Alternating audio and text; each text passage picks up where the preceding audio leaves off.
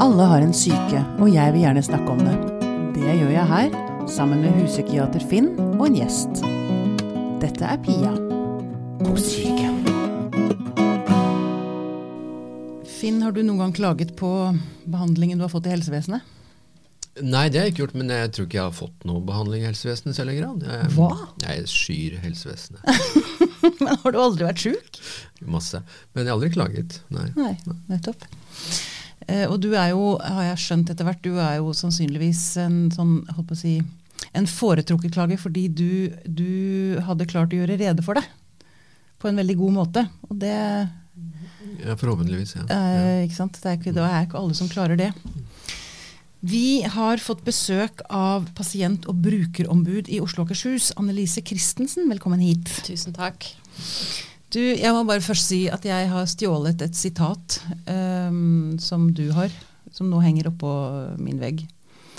Ambivalent? Well, yes and no. Det fikk jeg av Mike Seltzer. Og Ja, faren til Thomas Seltzer. akkurat. Når jeg gikk på Sosialhøgskolen. Eller når jeg var ferdig på Sosialhøgskolen og fikk jobb i Oslo hos ombudet i Oslo for lenge, lenge siden, så kom han innom med den. Jeg Og- tror egentlig at den er ganske treffende. Ja, jeg han traff spikeren på hodet Ja, med den. han hadde sett meg. Ja. Jeg veldig- jeg er veldig glad når jeg leste om deg at du er sånn som ikke liker holdt på å si, rett opp og ned-løsninger med to streker under svaret. Mm. du liker at det er eh, Eller ja, at eh, undring tror jeg ligger for deg. Ja, det gjør det. og Jeg tror at det er viktig hvis en har lyst til å være i en ombudsrolle. Mm. Som jo ikke har eh, instruksjonsmyndighet. Vi bestemmer ingenting, men vi må bidra til at partene undrer seg litt mer. Så kommer man oftere fram til en felles og god løsning. Akkurat. In, hva sa du? Instruksjons... Ja, det er disse ordene, ja. Instruksjonsmyndighet betyr jo bare at hvis du går til Fylkesmannen f.eks., så kan de bestemme. Da kan de pålegge tjenesten, Ah. helsetjenesten, å gi deg noe du har bedt om. Mm. Mens det kan ikke jeg gjøre. Men jeg kan eh, skrive eller møte de, og så kan jeg si kanskje vi kunne snakke litt om det. Ja. Og hvis ikke de får akkurat den tjenesten, kunne de fått noe annet, eller er det en annen måte å snakke sammen på? ja. Og så kan vi oftere finne fram til gode løsninger. Ja. Når du sier møter dem, hvem er dem i den setningen? Dem, det kunne vært deg, f.eks. Pasienten, eller? Ja, Ja. det kunne vært Finn, eller det kunne vært eh, Og så kan man møte pasienten eller pårørende sammen med tjenestestedet. Ja. Sammen med, for vår del, til og med Nav-kontoret, for vi har Nav-kontorene i Oslo. Vi har barnevernet i Oslo Dere har, altså dere på en måte i vårt mandat, sånn at vi Ah. hjelper tja, 1600 saker i året, vi med folk som sliter med, i møte med Nav. 1600 akkurat som sliter i møte med Nav. Akkurat. I tillegg til de vi har i Ja. helsetjenesten. Da. Ja, for der er det rundt 6000 i året, så jeg. Ja, totalt sett er det 6000 hos oss. Mm. Ja, nettopp.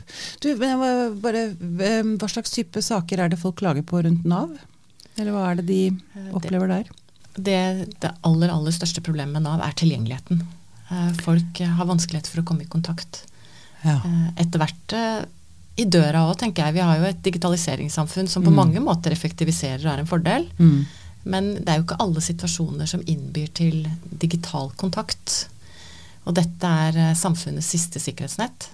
Så jeg bekymrer meg for om de trekker stigen opp etter seg og ikke er, har så åpne armer da, mot de som sliter aller mest, som det de burde ha. Ja, For dette er jo trekk vi ser i samfunnet. At det er, liksom, det er lenger og lenger mellom eh, holdt på å si, forbruker og tjenesteyter.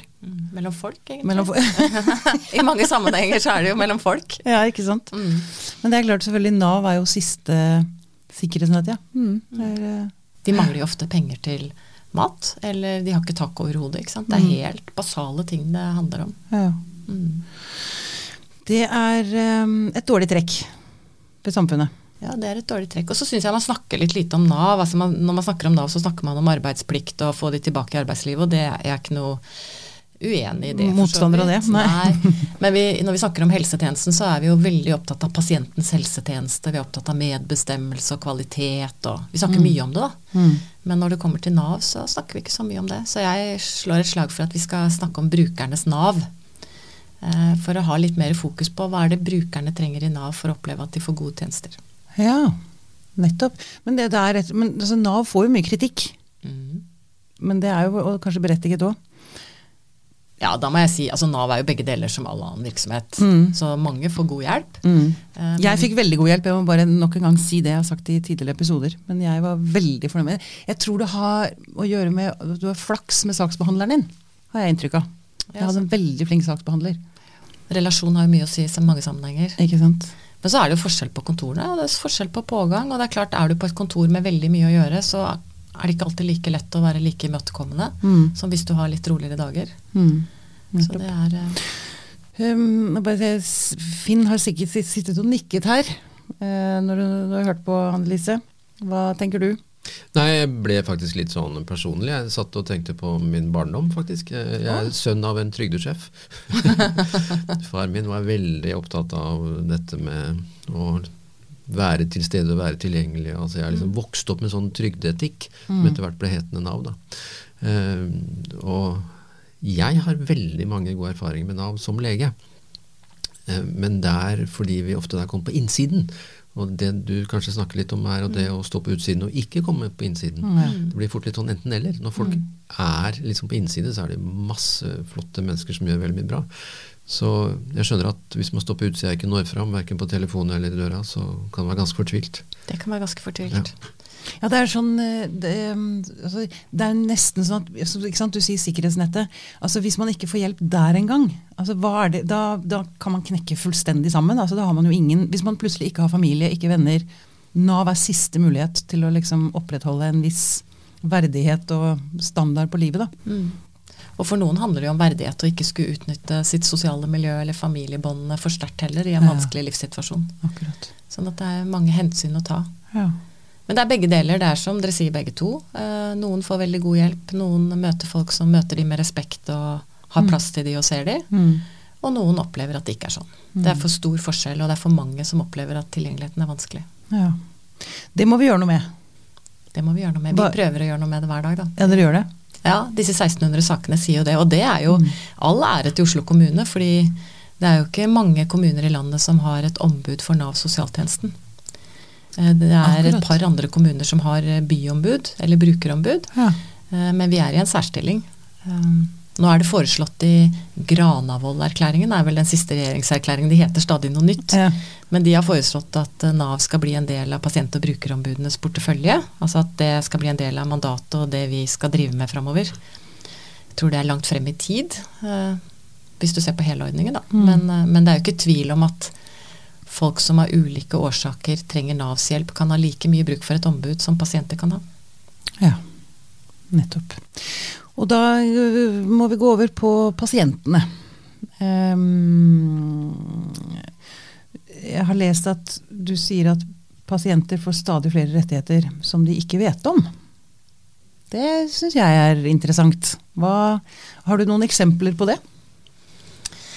Det beste eksempelet som har vært litt omtalt i media nå i det siste, er jo dette med kontaktlege. Det er jo veldig mange pasienter som snakker om at når de er Dette er jo i spesialisthelsetjenesten eller i sykehusene. Mm.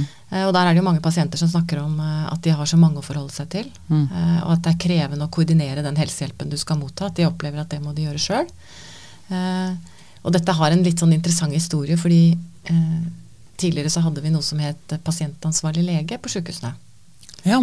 Og da skulle du ha din, altså, du skulle ha din pasientansvarlige lege. Mm. Det fikk vi ingen klage på. Men det var fordi ingen visste hva det var. Okay. Eh, pasientene visste ikke hva det var. De klagde på at det var mange å forholde seg til og ikke én. Eh, men de visste ikke at de hadde fått en ordning som het pasientansvarlig lege. Og de ansatte på sykehusene sa at dette er sikkert en veldig god idé, men det får vi ikke til. Nesten alle sa det. Så til slutt så valgte man noe man sjelden gjør. Man tok bort den retten. Man sa at dette får vi ikke til. Ah. Så lagde man en rett som heter koordinator, men som er noe litt annet.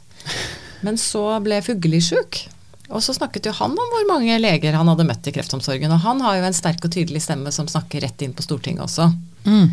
Så da, da våknet på en måte den gamle pasientansvarlige lege til liv igjen, men nå som kontaktlege. Ok. Uh, Så det betyr altså at man, hvis man kommer inn i helsevesenet, så har man krav på én lege som følger hele løpet, liksom? Nei? Så, nei det, blir ikke, det er ikke så enkelt. Men du har krav på altså Hvis du har en, eh, trenger hjelp over en viss tid, da. Hvis ikke du bare er inne kort, kort tid. Mm. eh, hvis du trenger hjelp over litt tid, så har du krav på en lege som har et slags overordna ansvar. Det er klart, Den legen er jo ikke på jobb nødvendigvis hver dag du er der, eller kan møte deg i alle situasjoner, men det skal være én kontaktperson Ja. som skal ha et overordnet ansvar. Ja. Mm. Denne ordningen er det heller ikke så mange som klager på, for det er ikke så mange som kjenner til den. Som vet om den, nei. Nei. Og det er heller ikke sånn at alle som jobber på sykehusene kjenner til den. Og ikke sykehusene heller. Nei. Og det er jo et problem med pasientrettigheter generelt. At befolkningen, altså vi som sitter rundt bordet her, eh, vet ikke så mye om de. Eh, Jeg vet litt fordi jeg jobber med de. Mm. Eh, Men de ansatte i helsetjenesten, verken i kommunene eller i sykehusene, kjenner det godt nok. Så det spiller ikke den rollen i forhold til å ivareta kvalitet og sikre ulikhet som det burde gjøre. Dette Jeg blir så Ja, det ble kanskje litt mye, men, Nei, men jeg men blir så oppgitt over det. det er sånn- det litt over. Hva er vitsen med å lage masse nye, fine regler hvis ingen vet om dem? Liksom. Altså, det blir litt sånn Nei, men Det kan man snakke om, og det gjør vi. Men jeg, jeg, satt og, jeg var litt spent på hvor lenge du snakket før Per Fuglis navn kom ut. Fordi den historien kjenner jeg. Ja. Per var en veldig god venn. eh, og det er jo interessant da at en lege som er professor eh, i faget, blir veldig fortvila når han selv er på sykehus. Eh, og håper å si, veldig bra at folk med hans sterke røst da, kan tråkke opp sporet. For det sier litt om at et moderne helsevesen er jo så ekstremt spesialisert. Så at det, i praksis for mennesker så blir jo du fragmentert. Altså du blir jo masse funksjoner og masse delspesialiteter, og du blir jo løse biter selv. Mm. Så det er klart at noen må prøve å sette sammen dette til en informasjon som liksom eh, kan rommes. da. Men hvem noen er best i det? For det er klart at vi er jo også sånn etter hvert at legevitenskapen, det er så mye vi kan gjøre. Fordi vi blir så spesialisert. Sånn at det, eh, du kan komme inn med to, kreft i to ulike deler av kroppen som ikke har sammenheng med hverandre, og du ønsker jo å snakke med den legen som kan mest Men- om hver sin kreft, liksom? om hver sin kreftform. Fordi det handler om, det kan være utprøvende behandling, det kan være nye medisiner. Eh, sånn at du ønsker jo ikke en generalist når det finnes en spesialist som Nei. kan gi deg en bedre hjelp. Mm. Men samtidig så, så er det krevende. altså det skal Jeg si, jeg syns ikke det er, de har fått en enkelt oppgave. fordi at når du kommer inn da, og du har alle disse ulike kroppsdelene som kanskje har hver sin spesialist på seg Noen er, har jo mange forskjellige sykdommer, faktisk. Mm. Og så skal noen ta seg tid til å koordinere alt dette her. Ja. Det er en krevende sitt, tenker jeg, Ja. som ikke vi har funnet den gode løsningen på. Mm. Og jeg tror at bare for å si det, jeg tror at legene, at vi her må vi bruke kanskje sykepleiere i større grad tett sammen med legene. For noen ganger så tror jeg de er litt flinkere til sånn koordinering. Nå sitter det en lege her, men ja, jeg sitter Ja, men og de ser kanskje- at du sier det. Du nyter det, ja. For da kan de, de kan være det koordinerende leddet, og de kan passe på at det er litt flyt i behandlingen, at ikke det er unødig stopp, og de kan skjønne når du trenger å snakke med de ulike legene og bringe Ja. deg i kontakt med de. ja. For det er jo ikke bare lett å ringe til et sykehus og si at jeg vil gjerne snakke med doktor Sånn og sånn, nei. nei jeg, jeg tenker, Det er mulig at jeg er litt sånn øh, enkel i tankegangen her, men jeg innbiller meg liksom at sykepleiere er litt flinkere til å se hele mennesket, mens legen plutselig kan se bare symptomet ditt, liksom. Sykdommen. Eh, kan, jeg, kan jeg ha noe rett i det? Bør ikke legen svare på det? Egentlig? Jo, jeg så egentlig på Finn først, men han nølte sånn at nei, jeg så det så på meg, men uh, altså, uten å gjøre dette til profesjon eller for den saks skyld til kjønn, så mm, tror jeg nettopp at liksom, den spesialiseringen vi driver med, som liksom alle på en måte mener er bra, den har jo sannelig en rekke bivirkninger. Altså at uh, det er jo noe med liksom helheten drukner litt i kompleksiteten. Ja, ikke ofte, sant. ja. Ja. Eh, og jeg syns at spesialisering er altså Jeg representerer jo en som mener at vi må lære mer om en del av psyken. Eh, samtidig så ser jeg at liksom, ja, da mister du jo mange andre biter og deler. Da. Så, og kanskje er det liksom fint å organisere dette i sykepleierfunksjoner eller andre funksjoner. Da. Mm. Jeg har snakket med mange om det ute, og det er jo, jeg tror legene syns det er veldig De liker å høre det. Det og jeg tror sykepleierne også ser på det som en, eh, en forse de har. da, At det er noe de er gode på. liksom, At de er bedre på den helheten som du sier, og bedre på å organisere ting, kanskje. Mm. Uh, og det er vel greit. Jeg Ja. tenker at det er mye bedre at vi bruker de som er best på et område, til det området, enn at noen skal gjøre ting de ikke er like gode på. Mm. Mm. Absolutt. Um, du, um, eh, jeg leste også Du sier at helsetjenesten favoriserer pasienter og pårørende som er gode til å manøvrere. Det var litt det jeg begynte med med Finn. Det, jeg har lyst til å si det suger. ja, det er fin. Det skal ta med den. Ja, men det er jo så fortvilt at man må være altså, ikke sant? Du må liksom ha eh, altså, Du må ha høyere utdannelse for å klare å navigere, eller for å klare å klage, da. det, sånn kan vi jo ikke ha det. Altså, eh, ja. Nei. Men det, er, altså det er eh, Jeg pleier å bruke et eksempel som jeg syns er ganske godt. Vi snakker om pasientens helsetjeneste, og så ønsker vi at det skal ligge mye informasjon ute som gjør at pasienten kan treffe gode valg. Mm. Og da kaller jeg det å manøvrere. Mm. Fritt behandlingsvalg er jo en av de tingene. Eh, Og fritt behandlingsvalg betyr jo egentlig at mange snakker om ventetid. For mange etter hvert så er jo kvalitet i tjenesten vel så viktig som ventetid. Og så legger man ut noen kvalitetsindikatorer, og så mener noen at vi skal legge ut enda flere. Eh, og da tenker jeg at de som er flinke da til å manøvrere, til å lete på disse sidene på internett hvor det står noe om hvem, hvem er best på skulderoperasjoner Mm. eller kneproteser eller noe sånt. Eh, hvis man legger ut mye informasjon om hvem gjør flest og har minst rate av uheldige hendelser og sånn, så vil jo noen søke seg dit. Det er jo, det er jo litt av målsettingen med hele fritt behandlingsvalg. Mm. Eh, så er jo spørsmålet litt hvem er det som finner ut av de tingene og gjør de valgene? Mm. Eh, og hvem er det som blir igjen hos de som ikke er så gode? For det vil jo alltid være noen av begge deler. Og jeg, synes, jeg er litt sånn overraska noen ganger over at når det gjelder skolevesenet f.eks., så diskuterer vi dette her. Da diskuterer vi litt mer sånn Det finnes A-skoler og B-skoler, hva gjør det med ungdommen? Hvordan motiverer det? Der har vi en diskusjon. Mm. Men når det gjelder helse, så er vi utelukkende opptatt av å egentlig fylle på da, med disse mulighetene til å velge seg til eh, A-laget, liksom. Uten at vi tenker på at noen må bruke B-laget og C-laget også. Ja. ja, men pluss at det, dette her blir jo en, si, et demokratisk problem. Altså Hvis du er rik Det høres jo sånn ikke sant? Hvis du er høyt utdannet og rik, så får du rett og slett bedre helsetjenester. Ja, De sier jo, før pasient- og brukerrettighetene ble så tydelige og sterke som de er i dag, Mm. eh, så var jo en av beveggrunnene til at de kom, var at de som klarte å sno seg mest i helsetjenesten, var de som hadde, akkurat som du sier, høy utdanning og god Mm. inntekt. Mm. Eh, Og så lagde man etter hvert stadig flere pasientrettigheter. Um, og det siste Riksrevisjonen gjorde en vurdering av dette for noen år siden nå, men likevel, jeg tror det er ikke noe mindre gjeldende i dag. Og det er akkurat det samme i dag. De som bruker pasientrettighetene til å komme seg frem, det er de med høy utdanning og høy inntekt. Ja. Så det er ikke noen endring. Nei. Men er det de som si, når lengst med klagen også? Ja, Eller er det vanskelig å- det, det skal ikke slå to streker under svaret. Altså, det er ikke nødvendigvis de som kommer til oss. Eh, Nei, for du er veldig opptatt av at flere skal klage. Eh, Ja, ikke sant? at, um, ja, og, og kanskje de som ikke tør å klage helt, eller som ikke føler de fortjener bedre behandling. Eller, altså, det er noe her som Mm. jeg syns er eh, interessant. Da. Ja, for det første så er jeg tror det for de fleste også er det både en terskel å klage, men det er også mye bry. Altså vi Ja. gir oss litt lett, liksom, Mm. istedenfor å si fra. Og jeg tenker at eh, klager har jo verdi for den enkelte hvis du får en tjeneste som du i utgangspunktet ikke hadde fått, da, fordi det har gjort en dårlig vurdering eller Men det andre er jo at tjenestestedene trenger de tilbakemeldingene som en klage er, for å bli bedre. Ja. Eh, Og det tenker jeg det er litt sånn gull i det vi driver med. da, Å gi de tilbakemeldinger fra alle de enkeltsakene vi har. Og si at på disse områdene her så trenger dere sannelig å gjøre noe litt annerledes. Mhm. Så det er viktig. Det er heia klagerne. Vi har flere klager. Ja, absolutt. Og så tror jeg, og så er det noen ting jeg ikke er så glad for. og det er Man snakker ofte om at ja, uff, de ressurssvake, de klager ikke. Mm. Og ressurssvak er et forferdelig ord. Mm.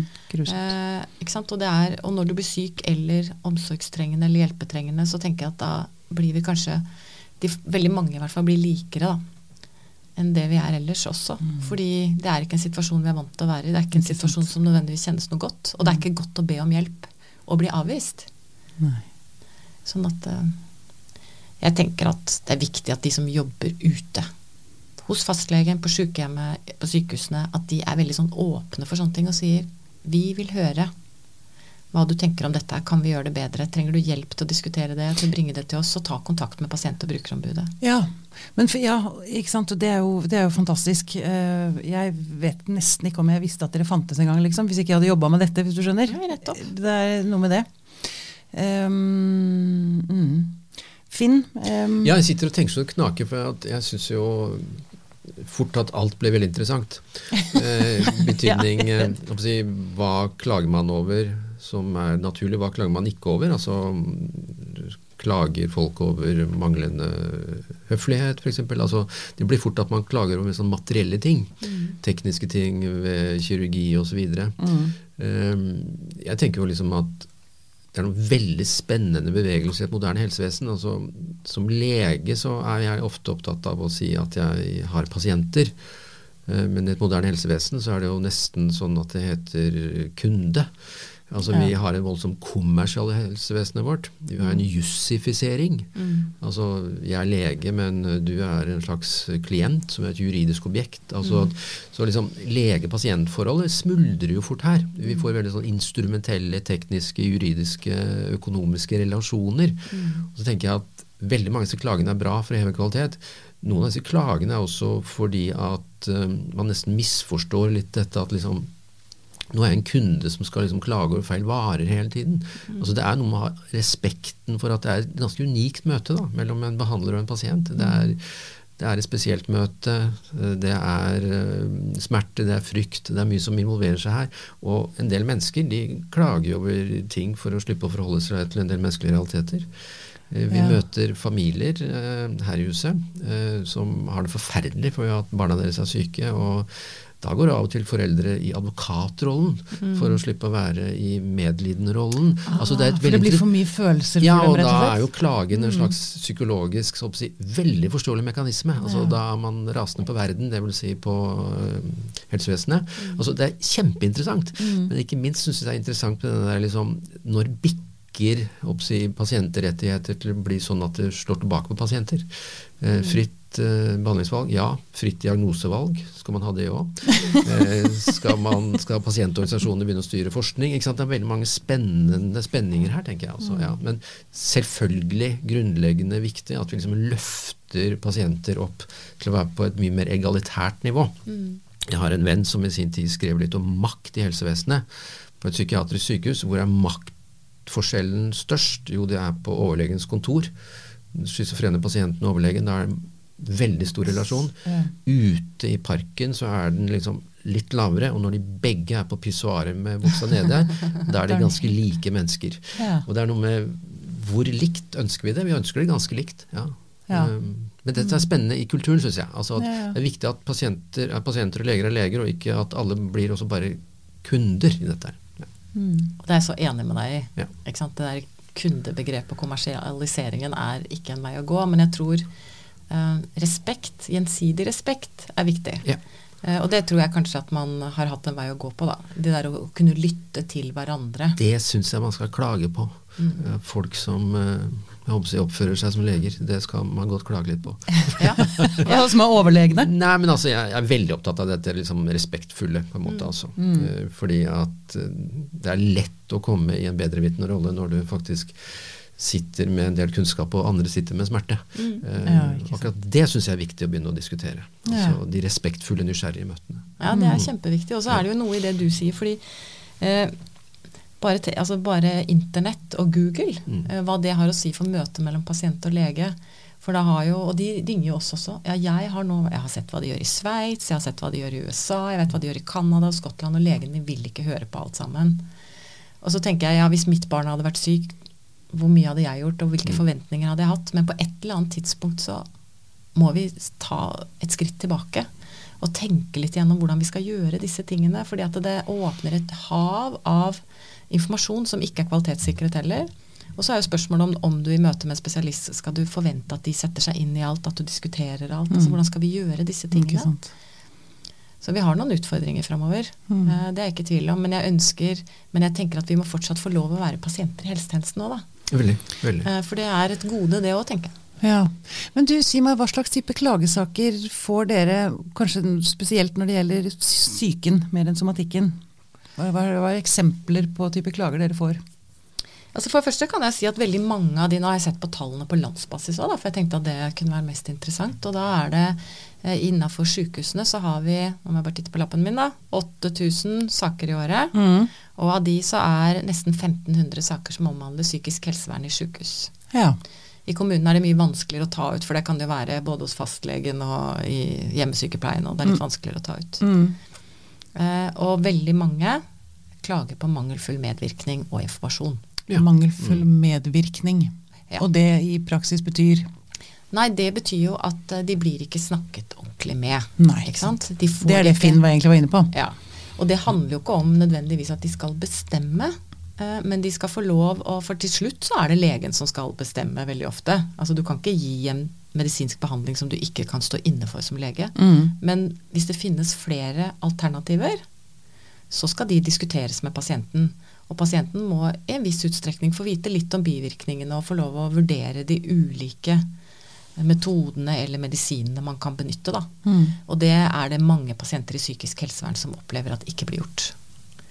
Eh, og det gjør nok noe med tilliten til systemet, hvis det går an å Systemet er ikke noe fint Ja. ord. Nei, men Tilliten til helsetjenesten. Det ja. Tilliten til behandleren din. Ja, Men det betyr at de, te- de klager på at de har fått feil diagnose eller feil medisin eller feil Jeg ville tro, som du antyder, at de ikke er blitt snakket nok med. Altså, Ja, de har ikke fått nok informasjon, rett og slett. Nei. De har blitt overkjørt av eh, mm, Og de er liksom usikre på De sier ja, men denne, dette medikamentet eller denne medisinen har jeg prøvd før, og da skjedde det og det. mm, Og istedenfor da ja, kanskje vi kunne vurdert noe annet, så tror jeg de føler at de blir oversett da, eller Ja. ikke hørt eller ikke tatt på alvor. mm, Uh, og de kan oppleve Noen opplever jo Det er jo en interessant diskusjon som jeg syns er veldig vanskelig, også fordi jeg ikke har medisinsk kompetanse. Men det snakkes jo mye om har vi, får vi etter hvert for få døgnplasser. Jeg sier ikke at alle pasienter skal være på døgn, og det er ikke der vi er. Men noen eh, Når de skrives ut mye raskere enn de selv eh, ønsker, da, og Mm. mener at de har behov for, så blir det sånn ja ja, de vil ikke ha meg her heller, liksom. Det krever jo Det krever at man snakker ganske godt sammen mm, når man endrer et behandlingsopplegg som folk mener at da får jeg ikke det jeg trenger. mm. Nei, det, det har vi vel hatt opp her før òg, det. De døgn, døgnplassene sparer penger. Men for noen pasienter så skal det jo ikke være for lenge på døgn heller, så den er ikke, jeg syns ikke den er helt enkel. da. Den er aldeles ikke enkel, men uh, akkurat nå så gjør jeg det enkelt for meg selv. Uh, Ok? fordi at jeg har vært, brukt mye av min tid til liksom å være opptatt av å få mennesker ut av langtidsopphold på psykiatriske sykehus. Og den veien har det virkelig gått. Eh, det er nok, For noen år siden så bikka det. Altså, det er for få plasser. Og det er for tidlige utskrivninger. Mm. og det er for lite respekt for at en del mennesker har så lite indre struktur at de må ha en ytre struktur. Mm. tidligere pasienter av meg fra Gaustad sykehus de hoier og skråler og jubler til meg fra parken på Majorstua. Eh, der har de det ikke bra. Altså. Det, de burde nei. vært eh, Så på en måte det er fristende å si nei, der har vi gått for langt. Eh, og det har mye med økonomi. Mm. Startet litt med ideologi, altså forebygge institusjonsskader osv. Men så blir det plutselig et sånn skalkeskjul for å si at du bør ut nå. Ja. Mm. Men de må, jeg tenker det er viktig at eh, disse behandlerne er jo på mange måter disse pasientenes fremste ambassadører i forhold til å si fra Ja. om endringer. Og da må de bruke utestemmen sin. Det er viktig å bruke utestemme, og jeg tror om to år så bør mange sikkert bruke utestemmen f.eks. i rusomsorgen, for da når det en kraft mot å bygge ned sengeplasser i rusomsorgen. ikke sant? Og så skal flere være ute. Og så skal man ha litt sånn naiv tro på å holde seg edru i poliklinisk behandling Mm. osv. Ja. Ja. Bruk utestemme. Ja. Og bidra til at de kommer i kontakt. Vi gjorde For et par år siden så besøkte jeg alle barne- og ungdomspsykiatriavdelingene i Oslo og Akershus. Mm. Og snakket med dem om kapasitet og ombud. Det var egentlig for å informere om oss da, og sørge for at de kunne formidle informasjon. Og de var helt klare på Og det Altså jeg skrev en kort liten sånn rapport som de, alle lederne fikk se. Og der står det at de fra alle avdelingene så sier de at ja, her tar vi inn pasienter. Vi skriver de for tidlig ut fordi det kommer nye pasienter hele tiden, og vi må ikke bryte denne individuelle behandlingsfristen som man setter i helsetjenesten, for da blir man straffet på pungen, og det koster penger. Og så spurte jeg ja, hva med For vi har jo hatt litt kontakt med Oslo universitetssykehus i forhold til døgnplasser til barn og unge. Og da sa de nei, vi, det er ikke alltid vi henviser videre til døgn, selv om vi vet at Eller vi mener, faglig sett, at denne ungdommen hadde trengt det.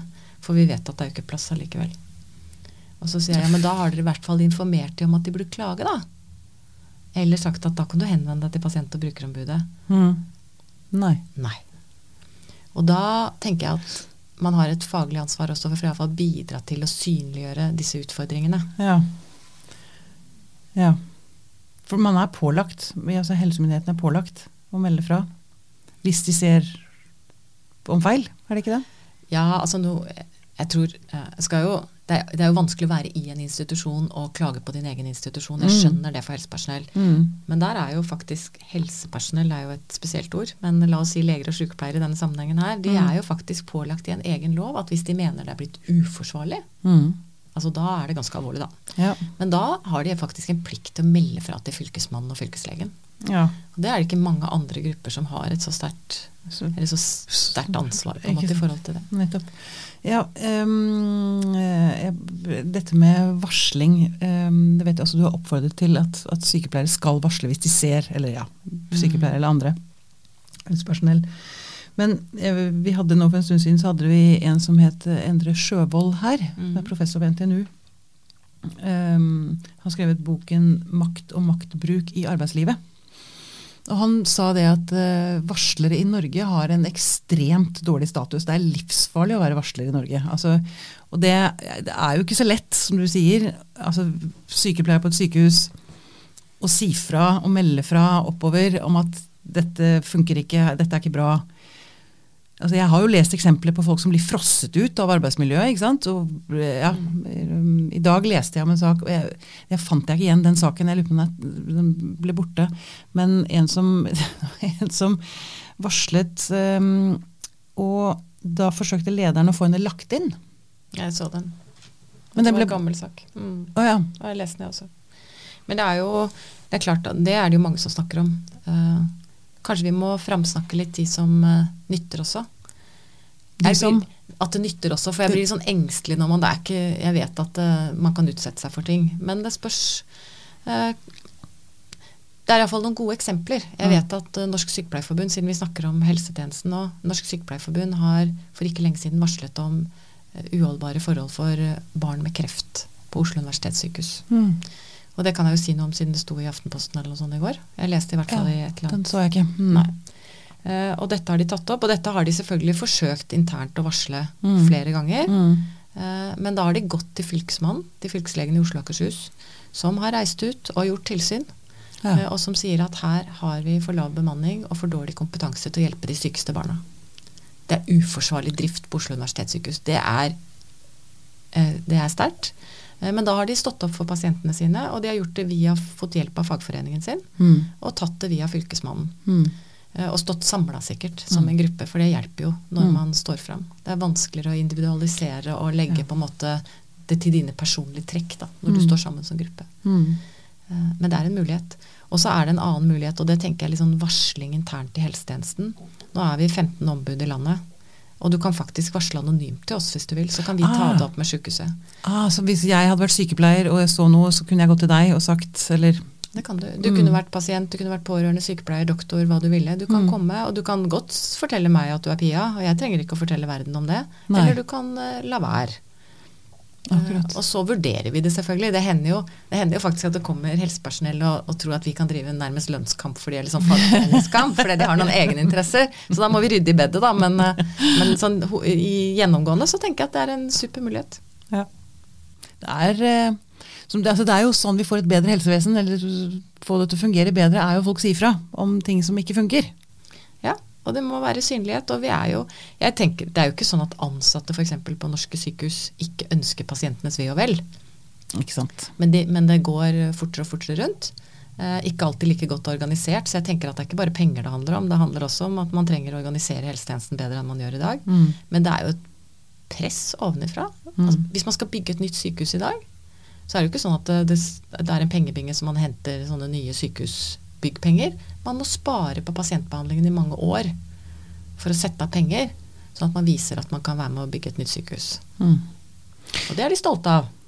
Men det går jo utover noen. De tar jo pengene av det budsjettet som skulle gått til pasientbehandling også. Jeg merker at jeg blir, eh, jeg blir sånn matt. Dette, dette, igjen dette, dette systemet som jeg bare som, det, er ingen som liksom, det er ingen jeg kan ta tak i og riste. Det er bare sånn stor, grå masse av et system som opererer store altså, eh, jeg, ja, jeg, jeg blir litt fortvilt av det. Den følelsen. Men nå er du blant venner, så Ja, det, det går bra akkurat nå. Ja. Eh, men altså, dette er jo store debatter hvor det er viktig ikke å bli si, for desillusjonert i. Mm. Men det peker jo liksom sånn mot også at folk skaper jo ofte løsninger på en måte. Det er klart at uh, man kan mene hva man vil ut fra si, politiske ståsteder om balanse mellom offentlig og privat, men uh, det kommer jo av og til private løsninger som er mindre. altså Mindre mastodontiske. Vi ser jo at liksom det blir store store systemer. Mm. altså Planene om det nye sykehuset i Oslo. ikke sant?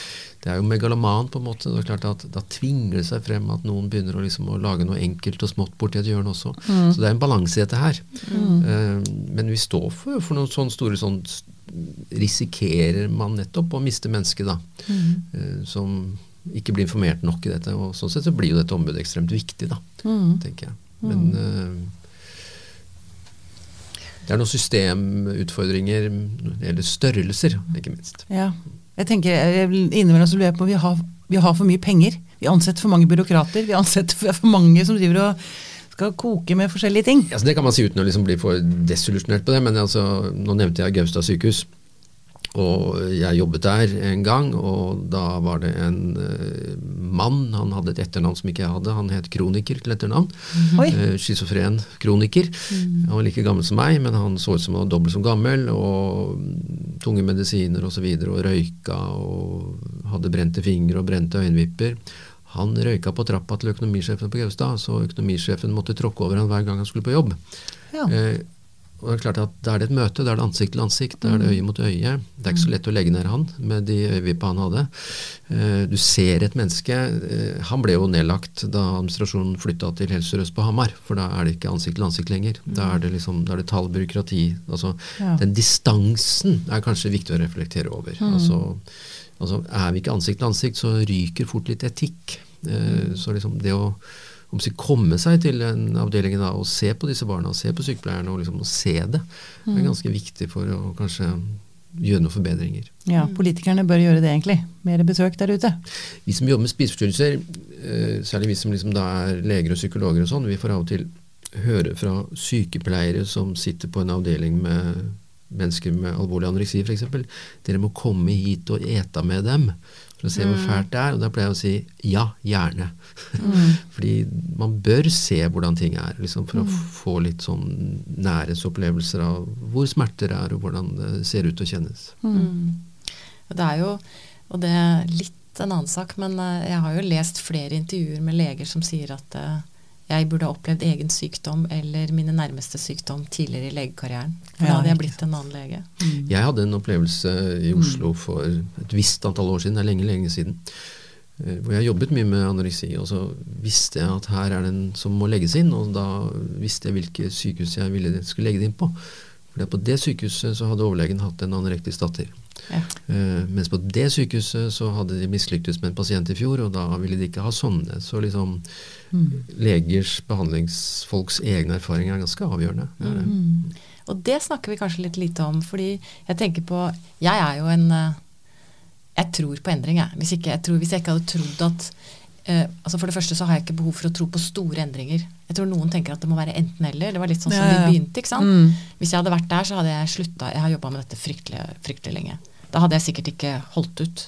Men jeg tror jo på at man må liksom dytte litt her og skyve litt her og åpne opp her og sånn. Mm. Uh, og at, uh, at, det er viktig. og så Nå datt det helt ut for meg. Det var noe i forhold til det Finsa, men jeg kommer sikkert tilbake til det. Jeg syns egentlig det var ganske viktig. Ja, men da må vi Hva var det du sa for noe? Nei, Vi snakket om, om eh, behandleres egne ja, erfaringer. Egne, ja, nettopp. ikke sant? Og det, men jeg tenker at vi, nå snakker vi mye om altså hvis noe, Jeg sitter jo i kvalitetsutvalget på mange sykehus. Mm. Eh, og hvis noe går galt, så sier vi eh, ja, har vi ikke en rutine? Ja. Eh, Fins det ikke en veileder? Mm. hvor er rapporteringssystemene? Hvor er Å ja, ja, nei, men vi har en rutine. Eller vi må utarbeide en rutine. Mm. Så tenker jeg at vi eh, snakker for lite om møtet mellom folk, mm. og mellom det som skal skje i det møtet. Altså at du må bruke fagligheten din, vurderingsevnen, møtet med pasienten. Vi blir liksom oppslukt av papirer Systemer og og- retningslinjer og, Ja, systemer Nå snakker vi. og nå rapportering. snakker vi, ja. Og det er, jeg sier ikke det for å tekkes en lege ved bordet. Altså jeg, dette mener jeg i alle sammenhenger. ja, ja. For dette er, det er i ferd med å ta helt overhånd. Ja, og at man skal lene seg til regelverk hele tiden før man klarer å ta en avgjørelse. For jeg, som jeg har sagt før, det er noe med sunt bondevett. Og det er lov å være kreativ, og det er lov til å være menneskelig, liksom. Ja, vi kunne endog begynne å snakke litt pompøst. Vi kunne Ja. si legekunst. eh, altså, eller møtekunst. Altså, for det er klart at det er noen interessante smertepunkter her mellom si, å få nok retningslinjer og nok manualer og nok veiledere og nok rutiner. Hvis du har nok av dem, så undergraver du kompetanse til menneskelige møter. Ikke sant? Ja, fordi et møte, det er bare deg og meg, og vi må liksom lykkes med det. Jeg kan ikke bare lene meg mot veilederen, fordi at uh, da begynner jeg å hakke i samtalen. Eh, så vi skal nok være litt forsiktig med den litt sånn der troen på at vi kan kontrollere universet. Eh, vi kan spille med universet, vi kan prøve å regulere det, men vi kan ikke kontrollere det via veiledere og nasjonale retningslinjer. Nei. Vi må faktisk jobbe litt med jeg, relasjonsevner hos helsevesen. Og Derfor jeg sa i stad hva med folkeskikk. altså Folkeskikk er kjempeviktig. ja, altså det er jo faktisk eh, mye mer sentralt man er klar over, for det handler litt om opplevelsen av å føle at noen er interessert i deg, og da er du kanskje også litt åpnere selv for noen forandringer, f.eks., eksempel, så ikke du låser deg fast i enten det er frykten din eller sinnet ditt eller fortvilelsen din. Ja, ja. Så er klart at men da må vi ikke lage veileder i møtekunst, for liksom da er vi bare inne i paradokset. Ja, ja. Eh, Men det handler jo om å ta ansvar for seg selv og sine, de møtene man har, liksom. Altså, Jo, da tror jeg litt at da, da er det viktig si, Har du selv vært pasient? da? Mm. Altså, du spurte meg om jeg har klaga noen gang. Nei, jeg har ikke klaga, men jeg har hatt en veldig sånn ulykkelig opplevelse en gang. Altså som eh, far med barn i helsevesenet. Mm. Eh, Og jeg tror at den opplevelsen av å bli si, si, tråkka på som far, og mistenkeliggjort som far, har nok påvirket måten jeg snakker med fedre på. Ja. Eh, og jeg er ganske eksplisitt på det. altså Jeg skal i hvert fall ikke oppføre meg sånn som den kollegaen min gjorde mot meg. Eh, for det var opplevelsen av en sånn mistenkeliggjøring og devaluering uh, i en situasjon hvor man er ekstremt sårbar. Ja. Akkurat. Ok. Og det Finn snakker om er jo også veldig viktig i forhold til disse pakkeforløpene innenfor psykisk helse, da, siden det er det vi snakker om. Som rulles ut. Mm. For det er jo fint å organisere helsetjenesten bedre. Jeg tror man har brukt mye tid og på, at, på dårlig organisering, da. Mm. Men vi må jo ikke tro at vi kan lage på en måte behandlingsforløp som er helt skjematiske. Vi må ha plass til eh, individet og, Ja. og til medisinsk kreativitet, tenker jeg. Ja. At kreativitet snakker man litt lite Altså det der å ja, utvikle noe Nei, men så det er risikoen, Hvis jeg da er litt pompøs som jeg sier, snakker om legekunst, så liksom Det blir jo veldig fort mistenkeliggjort. ikke sant? Altså, ja, Folk har alltid sagt at de har vært gode leger, men de har jo ikke vært de har vært dårlige leger. Så de har liksom dekket seg bak at de har sagt de har vært gode. Eh, Men risikoen er nettopp andre veien. da, altså at uh, Hvis du standardiserer for mye, eh, så mister du jo også en del av denne type lekerommet, hvor faktisk mye viktig skjer. da. Altså du, Hvis du skal standardisere, så fjerner du sikkert noen av de dårligste, men du fjerner også noen av de beste. Eh, Du tar bort en del av de som kanskje er ekstra gode, hvis du skal putte dem inn i en manual. Ja. Det er et spennende felt å være i, tenker jeg da. For det er interessant dette med å si, Vi kan jo ikke kontrollere Det var du som sa det, Finn. Vi kan ikke kontrollere i hjel livet. Altså det, det, livet funker ikke sånn. Vi er ikke skjemaer. Mennesker er ikke skjemaer. Passer ikke inn i maler, liksom. Nei. Det er eh, Og så lenge du jobber med mennesker, så må du alltid jobbe med deg sjøl, tenker jeg. Ja. Uansett hva du driver med. For man preger jo hvem jeg er, og mine erfaringer preger vil jo alltid prege mitt møte med deg. mm, Og det må man ta seg tid til å tenke over innimellom. mm. Um, det som er, jeg tenker, det, det er veldig viktig at uh, pasientombudet blir mer kjent. Og det håper jeg nå Pia og Psyken har bidratt til. Uh, nå har du eh, Dere gjør jo en veldig viktig jobb. Det er veldig glad dere finnes, må jeg si. Og jeg er veldig glad for at du gir meg anledningen til å fortelle litt mer om det. Så bra. Er det noe du har lyst til å føye til på slutten her som du tenker at vi ikke har berørt? Jeg ser jo at igjen, altså, som vi ofte sier, vi kunne jo snakka om dette et par-tre dager til. Men Ja, som jeg Den sa til tiden har deg, vi Pia, ikke. så var jeg litt nervøs, og jeg har to sider med stikkord som jeg har tenkt å snakke om, og jeg har ikke begynt på det ennå. jeg har flere spørsmål enn jeg også, som jeg ikke har. Vi, vi snakket oss godt og varme her. Ja, men jeg tror jo det er nettopp det. Samtalen er fin, den. Jeg har ikke noe spesielt jeg trenger å legge til. Nei. Anne Lise Christensen, tusen takk for at du kom til oss. Takk for at jeg fikk komme, Pia.